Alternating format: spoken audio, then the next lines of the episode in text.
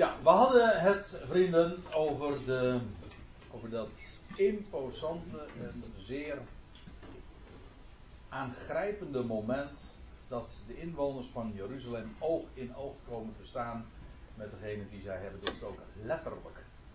zij zullen hem zien. Elk oog zal hem zien. Het wordt heel duidelijk nog eens benadrukt dat dit maar geen, geen geestelijk zien is. Nee, een fysieke ontmoeting is dit. Tussen hem die ooit doorstoken werd, maar opgestaan is uit de doden en die zal dan zich aan hen voordoen. En alle stammen van het land zullen heftig treuren over hem. Ja, amen, zegt dat Johannes in het boek Openbaring. En dan zijn we weer terug bij Matthäus 24. Niet lang, maar want we gaan weer uitstapjes maken vanavond, of uh, het tweede deel van deze avond. En zij zullen zien, vers 30 van Matthäus 24, en zij zullen zien, zij, dat wil zeggen de stammen van het land dus, en zij zullen zien de zoon van de mens, en Adam. Ook hier weer, ze zullen zien. Komende op de wolken van de hemel. Precies zoals we dat trouwens ook, ik heb daar ook geen dia van, maar we in Daniel 7 al lezen. Uh, wolken, dus.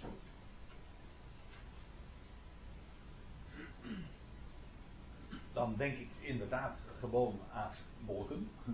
Uh, ja, dit uh, lijkt een beetje een open deur in trappen, dat is het ook. Maar er wordt ook namelijk in een ander verband gesproken dat hij zal komen in wolk. Uh, enkelvoud. En dan zou je heel sterk ook kunnen denken. Ik meen dat dat in een parallel schriftplaats is. In, dan wordt het echt uitdrukkelijk gesproken in een enkelvoudsvorm. En dan denk je heel gauw aan de, zoals dat heet, de Shechina. De, de mobiele godstroom. Zoals dat ook in Ezekiel wordt beschreven. Dus ik denk dat dat niet zomaar alleen maar wolken zijn. Dat is kennelijk een begeleidend verschijnsel van de wolk als, de, ja, als het voertuig, als het ware, waar de Heer dan mee zal komen. En in de, pauze, onderweg uh, hier naartoe, u weet, Menno gaat altijd met mij mee. Oh, wacht even. Zie ik ineens dat mijn microfoontje daar bungelde. Dus waarschijnlijk hebben, zal dat niet zo heel erg goed allemaal uh, zijn opgenomen. Goed. Geachte luisteraars, ik, hier ben ik weer.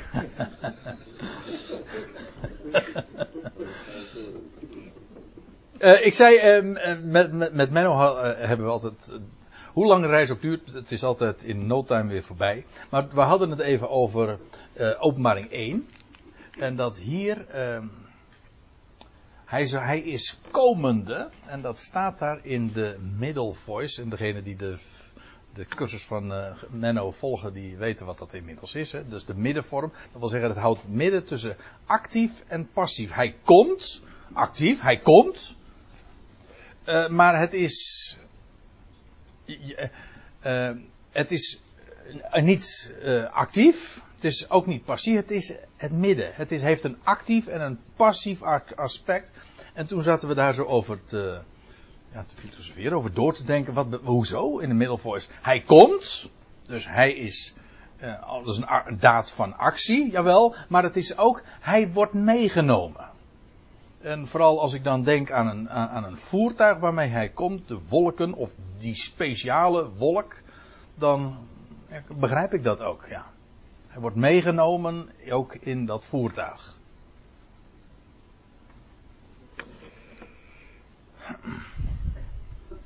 Ja. Ja, dat is echt. Ja, voor velen zal dat een UFO zijn. Een unidentified uh, flying object. Ja. Hè? Een wolken, ja, op, een lichte wolkenwagen werd hij van de aard gedragen, maar komt hij ook weer terug. Hè? Uh, en dan zeggen ze van, ja, een ufo. Een ufo zegt, nou, geloof je in ufo's? Nou, een, wat is een ufo? Dat is gewoon een, een vliegend object dat je niet kunt identificeren. Nou, dat is wat zij dan, uh, nou, Israël niet, maar de volkeren zullen dat zo wellicht in eerste instantie uh, benoemen. Ja, want ze weten zij veel met wie ze van doen hebben. Ze zullen hem niet kunnen identificeren misschien in eerste instantie. En dan dus naar strikte naar strikt de, de definitie is het dus een, een UFO, ja. Een buitenaards bezoek. Ja, we komen toch wel heel erg de hele avond in de, in de buurt van, uh, van de bevindingen van NASA gisteren. Hè? En toch weer totaal, totaal anders. En daar ben ik ook wel weer blij om. Zij zullen zien, de, zo, de, de stammen van het land dus, de zoon van de mens, komende op de wolken van de hemel, ja, met macht en grote heerlijkheid. Trouwens, in Matthäus 26 lees je dat als de Heer voor het Sanhedrin verschijnt. Dat is in de nacht dat hij wordt overgeleverd. En dan wordt hij eerst naar Herodes en dan komt hij voor het Sanhedrin. En dan is het de hoge priester die hem toespreekt. En de hoge priester die legt het vuur hem aan de schenen en dan zegt Jezus uh, tegen hem, jij zegt het. Maar ik zeg tot jullie, staat er in meervoudsvorm, dus hij zegt dat daar tegen ja, de, de Joodse leidslieden, eventueel tot jullie, inwoners van Jeruzalem. Vanaf dit moment zullen jullie de zoon van de mensen zien zittende, en dan staat er letterlijk vanuit rechts, van de macht en ja, ik geef toe, het klinkt wat vreemd in het Nederlands, maar zo staat het er. Zittende vanuit rechts van de macht en komende op de wolken van de hemel. Dat wil zeggen, het eerstvolgende moment dat jullie mij zullen zien, de zoon van de mens zullen zien, dat is wanneer hij van, uh, hij zal komen op de wolken van de hemel. Ja? Namelijk vanuit zijn positie rechts van de macht in de hemel. Want hij heeft rechts, betekent dat zijn erepositie, de rechterhand Gods. Maar daar zal hij niet blijven. Hij zal vanuit die positie komen met de, uh, op de wolken van de hemel. Hij, hij zegt dat tegen die inwoners. Dat is het eerstvolgende wat jullie van mij zullen zien.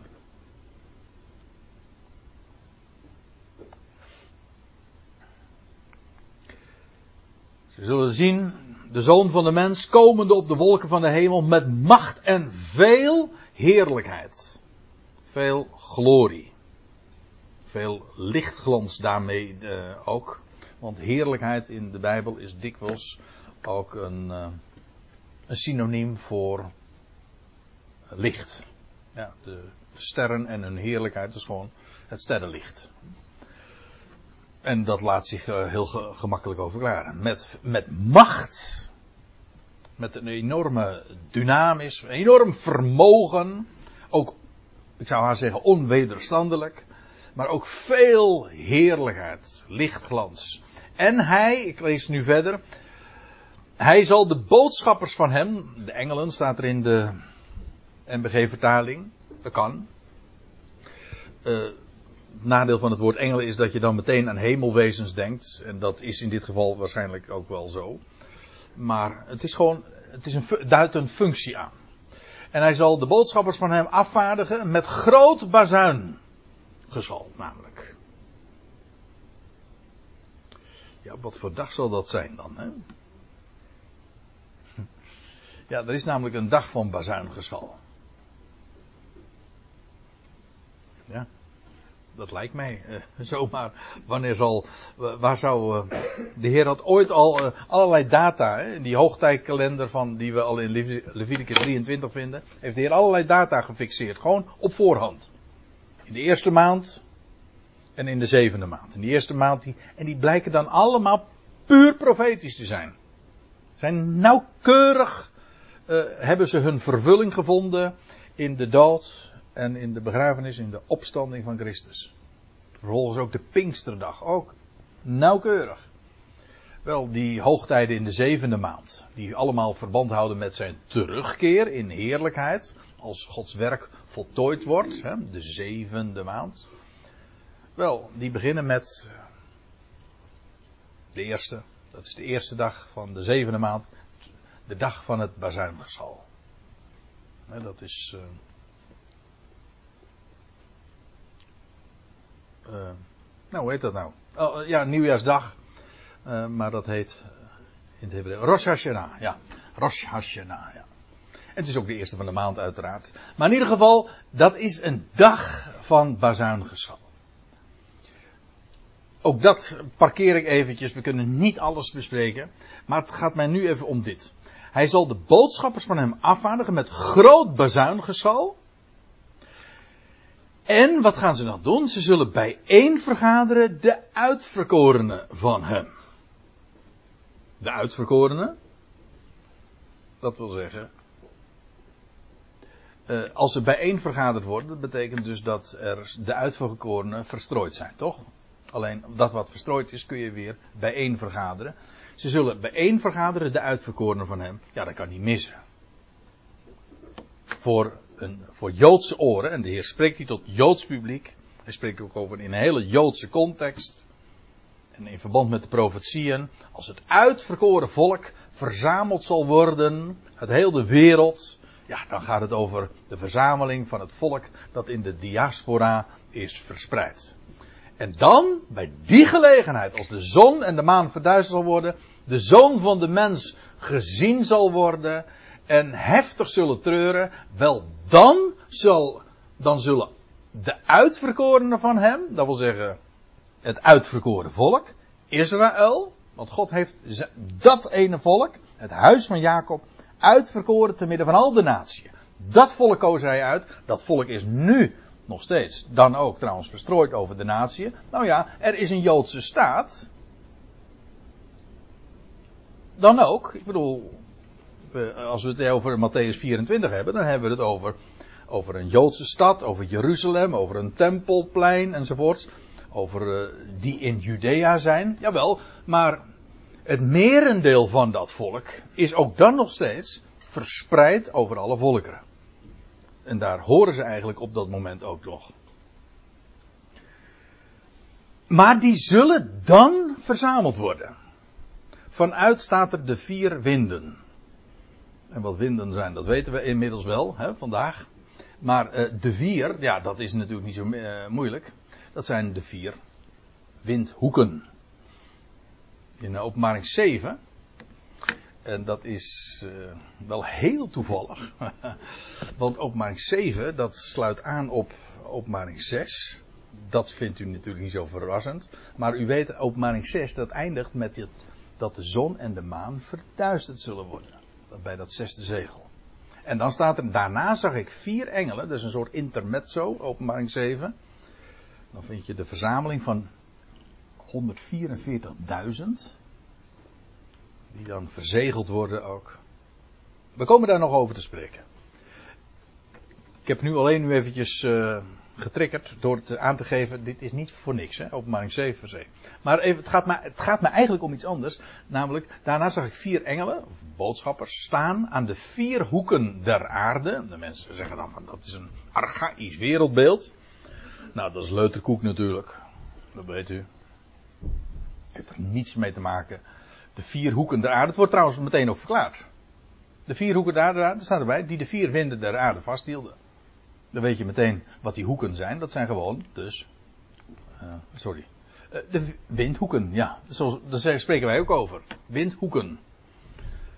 De Bijbel spreekt aan de ene kant over het rond der aarde. Ik heb nog nooit een uh, vierkante cirkel gezien. Maar het kan wel in die zin dat aan de ene kant is er sprake van het rond van de aarde, aan de andere kant of van het land, aan de andere kant ook van de vier hoeken, maar dan de vier windhoeken. Nou, het leidt er feit dat ze hier gewoon uh, in één adem worden genoemd. Uh, zet je meteen ook op het goede spoor daarin. Trouwens, en nou ga ik even de Bijbel erbij pakken uh, en u iets voorlezen, want ik had daar een diaatje van moeten hebben, maar het is me ontgaan. In Ezekiel 37, daar wordt ook gesproken over die vier winden. En die moet ik er even bij vermelden.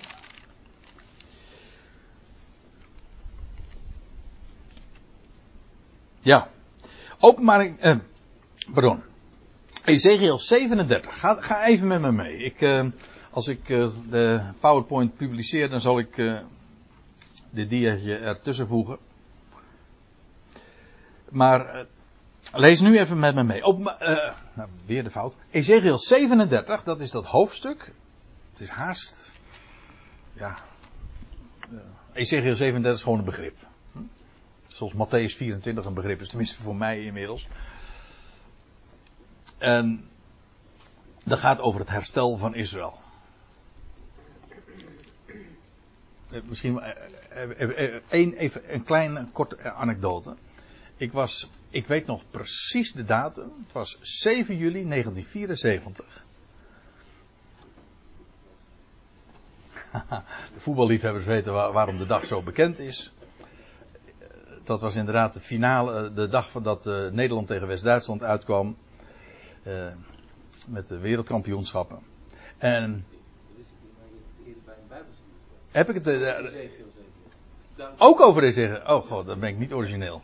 Maar uh, ja, ik moet er namelijk onwillekeurig aan denken. Ik, ik vermeld het eventjes. Omdat ik toen uh, in Leersum was. Ik was met een jeugdkamp. En toen was daar een uh, dominee Brons. Die mij ooit als zuigeling heeft besprenkeld. En die. Ja, dat herinner ik me dan weer niet. ik was er wel bij, ja.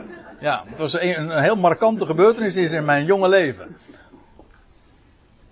Ik heb trouwens vernomen dat ik toen verschrikkelijk zat tegen te sputtelen. Maar ik, dat, zal, dat zal wel profetisch zijn, denk ik. Ik had uh, moeite met de kinderdoop. Ik heb gehuild. Er waren twee andere dopelingen. En die waren keurig stil en ik niet. Ja. Dan zeggen ze van dat heeft verder niks te betekenen. Nou, ik denk het eerlijk gezegd wel. Maar goed. Um, nee, maar die dominee Brons, die, die dominee Brons, die preekte toen, ik weet het nog heel goed, over Ezekiel 37. En die, die bestond het, dat weet ik nog heel goed. Ik was 13 jaar toen, ja, 7 juli 1974, ik was 13 jaar. En die zei, Ezekiel 37, dat gaat over de, uh, over dat God zondaren uh, tot uh, bekering brengt. En zo legde hij dat uit. Terwijl Ezekiel 37 zo onmiskenbaar gaat over het volk van Israël dat verzameld zal worden uit de natieën. En dat God geest in hen gaat brengen. Niks zondaren in het algemeen. Men, ja. Dat is dus niet de uitleg. Trouwens, het staat er ook gewoon bij. Hè? De, voort zeide hij tot mij, mensenkind, vers 11. Deze beenderen zijn het hele huis Israëls. Dus het kan helemaal niet mis. Je hoeft dat helemaal niet te, te verklaren. Dat is de verklaring. Maar, uh, Ezekiel 37 wordt gesproken over het herstel van Israël. Omdat God ook in dat volk geest zal brengen. En let op, dan gaan we naar vers 9 toe. Daarna zeide hij tot mij, profeteer tot de geest, profeteer mensenkind, zeg tot de geest, zo zegt de Heere Heere, van Jaweh dus, kom van de, let op, kom van de vier windstreken, daar heb je hem, de vier winden, de vier windstreken. O geest, en blaas in deze gedoden, zodat zij herleven, oftewel de geest krijgen. Dat is, het, waren, het was een, hij zag een dal vol, een dorre doodsbeenderen en allemaal knekels. Een hopeloze, doodse, dorre toestand. Ja, maar op het moment dat God zijn geest geeft, dan, dan komt dat tot leven. Daarom noem ik even Ezekiel 37. En dan gaan we nog even lezen. Vers 31, de rest. Zij zullen, die, die engelen worden dan uitgezonden om de uitverkorenen van hem, het uitverkoren volk, vanuit de vier winden, of vanuit de vier windstreken, vanaf de uiteinden van de hemelen tot de andere uiteinden van hen, uh, bijeen te vergaderen dus. De uiteinden van de hemelen tot de andere uiteinden. Letterlijk, dus eigenlijk twee keer meervoud, dus dat zijn weer vier uiteinden van hemelen. Dat is dus weer hetzelfde, die vier windhoeken. De vier windstreken. Die uitdrukking wordt juist ook iedere keer weer gebezigd als het gaat om de verzameling van Israël. Van noord zuid, oost, west. Ik weet niet of ik nu de goede gebaren maak, maar u begrijpt de gedachte. Overal vandaan worden ze vandaan geplukt, mag ik het zo zeggen. Ze worden bijeen verzameld. Hoe verspreid het ook mag zijn, waar ook zij, zullen zich, zij zich zullen bevinden, ze worden bijeen vergaderd. En dat heeft zulke oude papieren.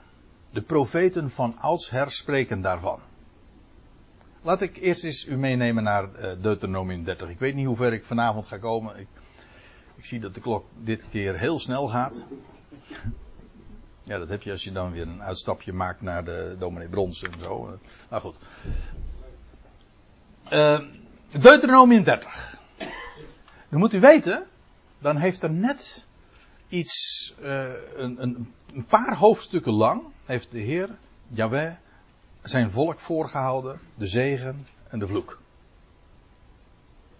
Als hij dat dan gedaan heeft, en ook over alle verschrikkingen die over het volk zouden komen, wanneer ze niet zouden luisteren naar zijn woord.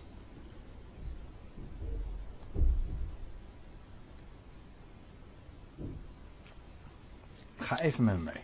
Want ik, ik zou haast iets over, aan iets voorbij gaan. Ga even met me mee, want ook daar heb ik nou weer even geen diaatje van. Uh, maar ik, terwijl ik het over spreek, moet ik er aan denken. Wat gaat er aan Deuteronomium 30 direct vooraf? Deuteronomium 29, vers 29. Dus ik, ik, hier ziet u, ik, ik begin nou met een lang citaat uit Deuteronomium 30, maar daar gaat nog één vers aan vooraf, daar had ik er bij moeten vermelden.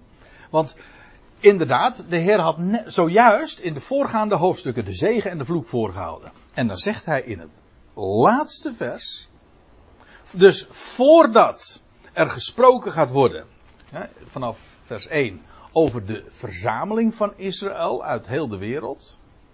Dat, dat meld ik nu bij deze al even, maar dat zult u vanzelf straks zien. Dan staat er in vers 29 dit.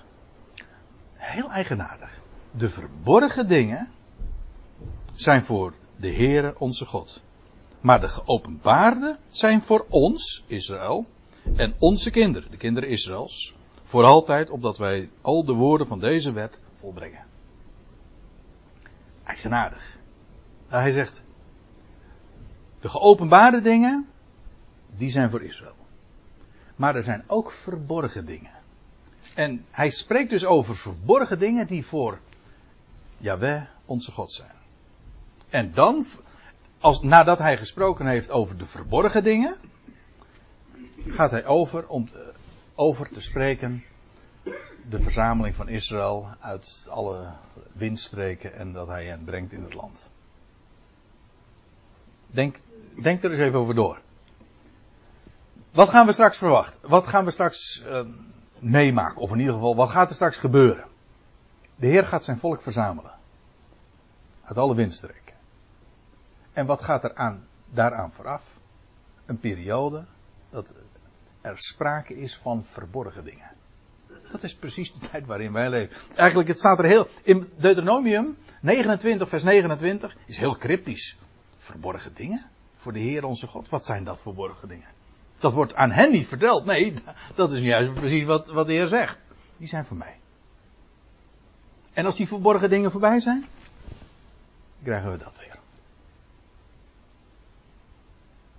Nou zie ik sommige mensen wat uh, kijken van wat bedoel je precies.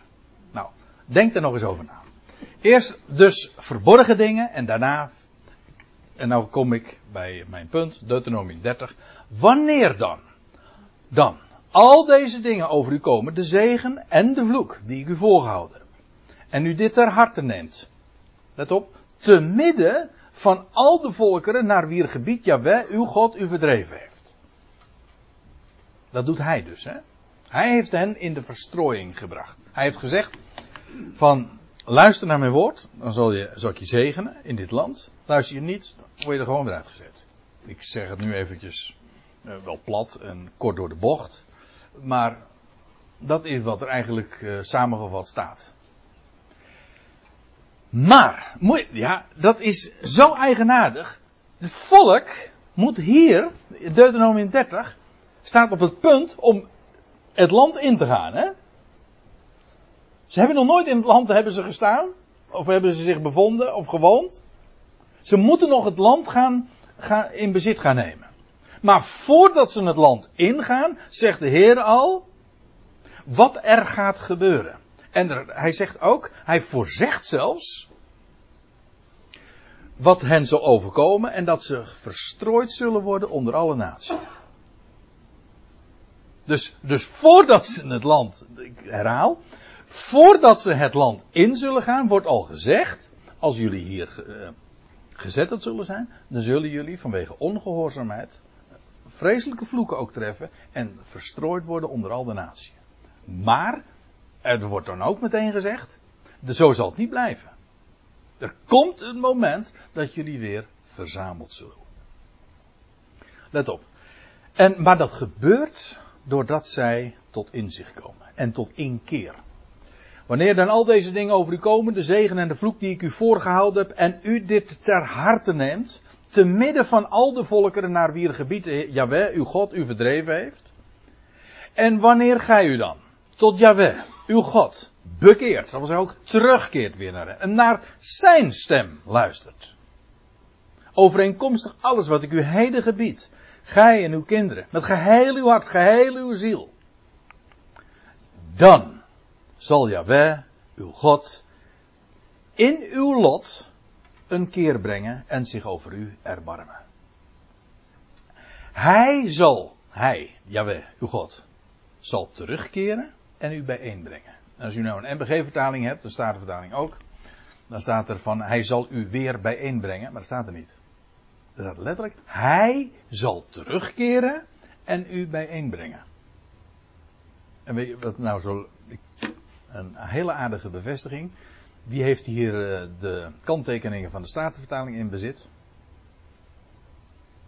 Zo weinig.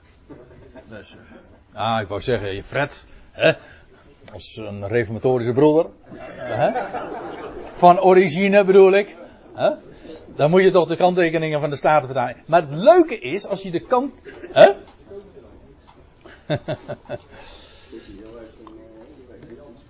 Nee, maar de, het leuke is, als je de, die kanttekeningen van de Statenvertaling hebt, dan staat daar, uh, dan staat er uh, de, heel dikwijls uh, bij van letterlijk staat er dit. En dan, dan lees je in dit geval ook, er staat letterlijk, hij zal terugkeren en u bijeenbrengen. Dat staat er letterlijk.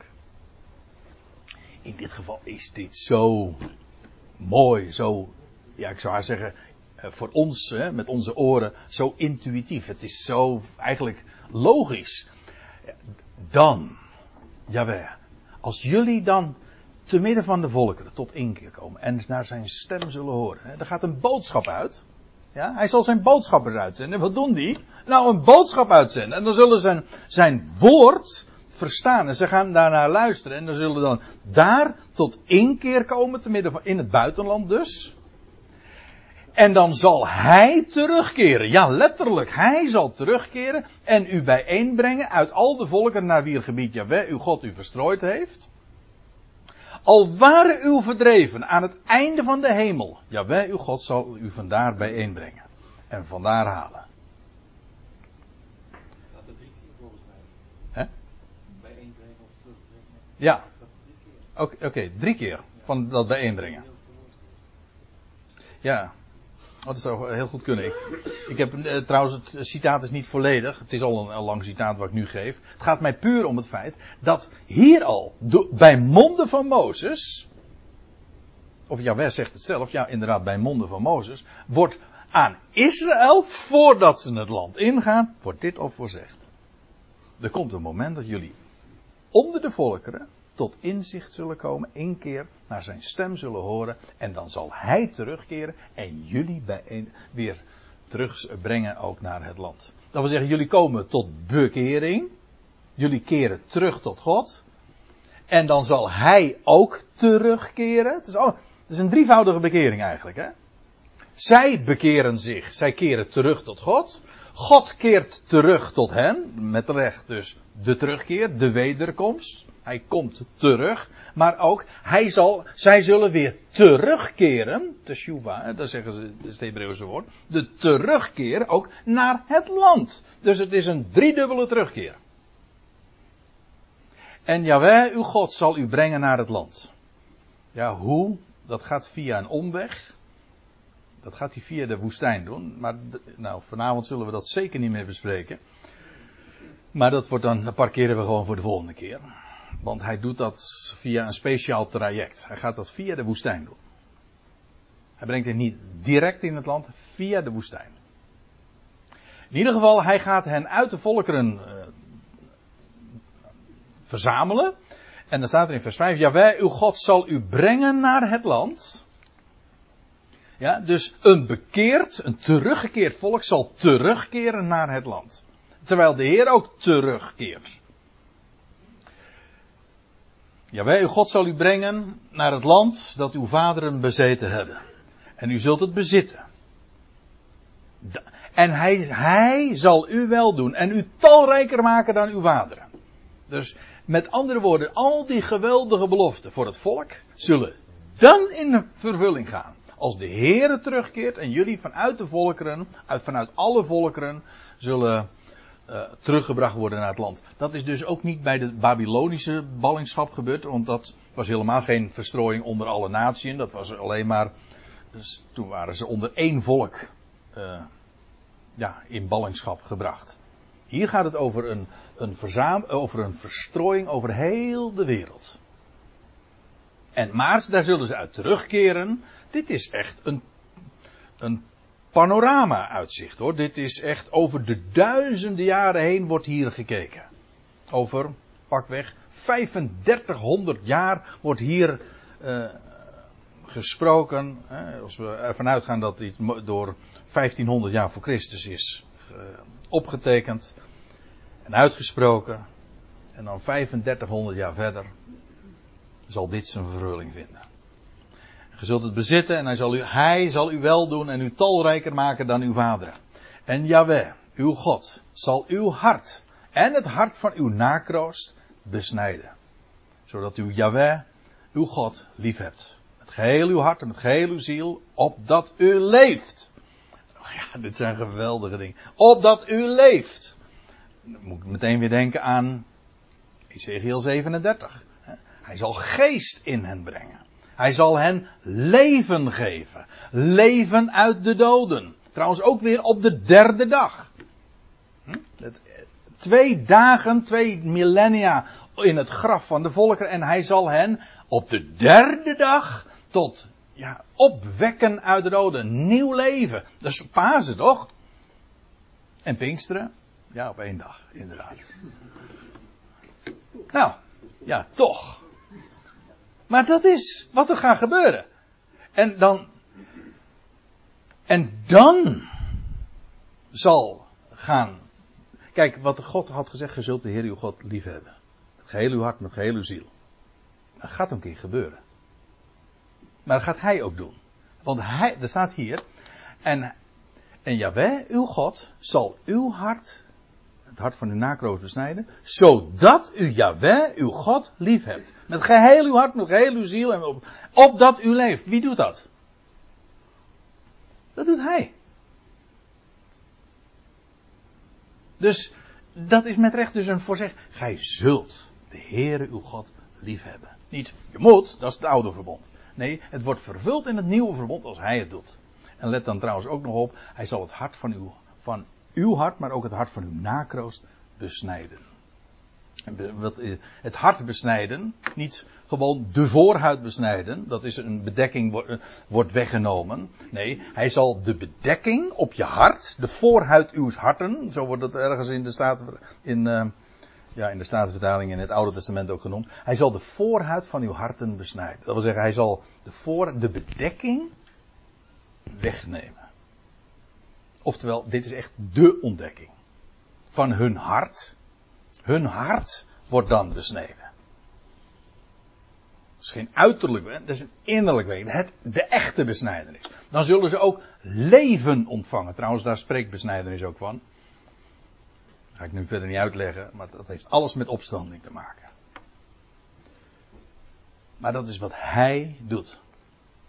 En Yahweh, uw God, zal al deze, deze vervloekingen, die zojuist in de voorgaande hoofdstukken waren genoemd, op uw vijanden en uw haters leggen die u vervolgd hebben. Dus dan worden de rollen omgedraaid. Maar nu, we worden in die zin eentonig.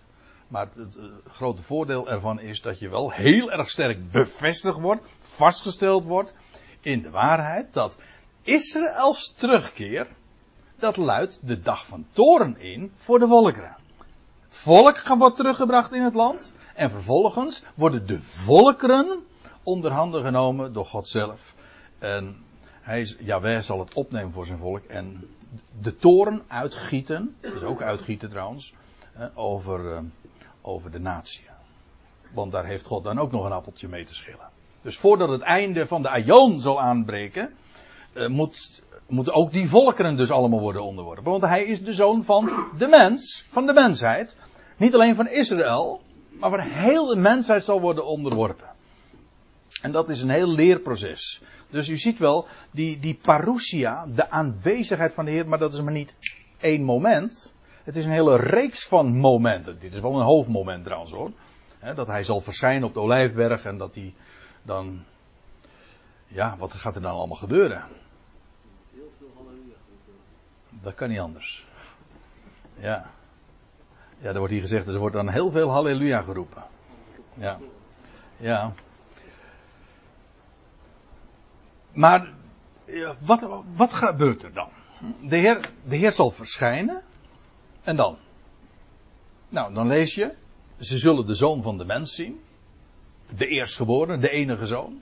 Ze zullen heftig de, treuren over hem. Die, die, die belevenis van hij is het.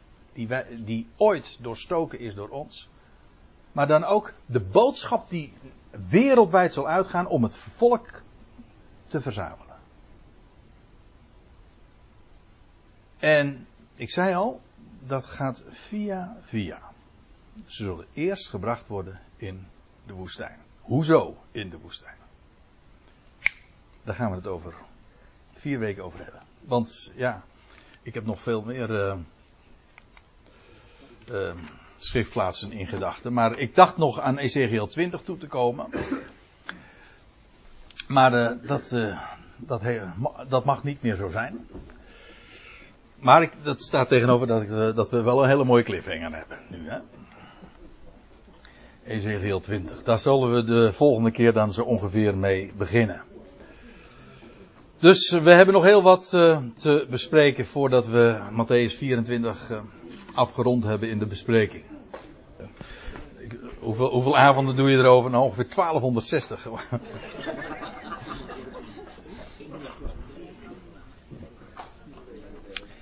Goed. Het is mooi tien uur. Precies. Dus ik stel voor dat we het hierbij laten. Mag ik nog afsluiten met dankgebed?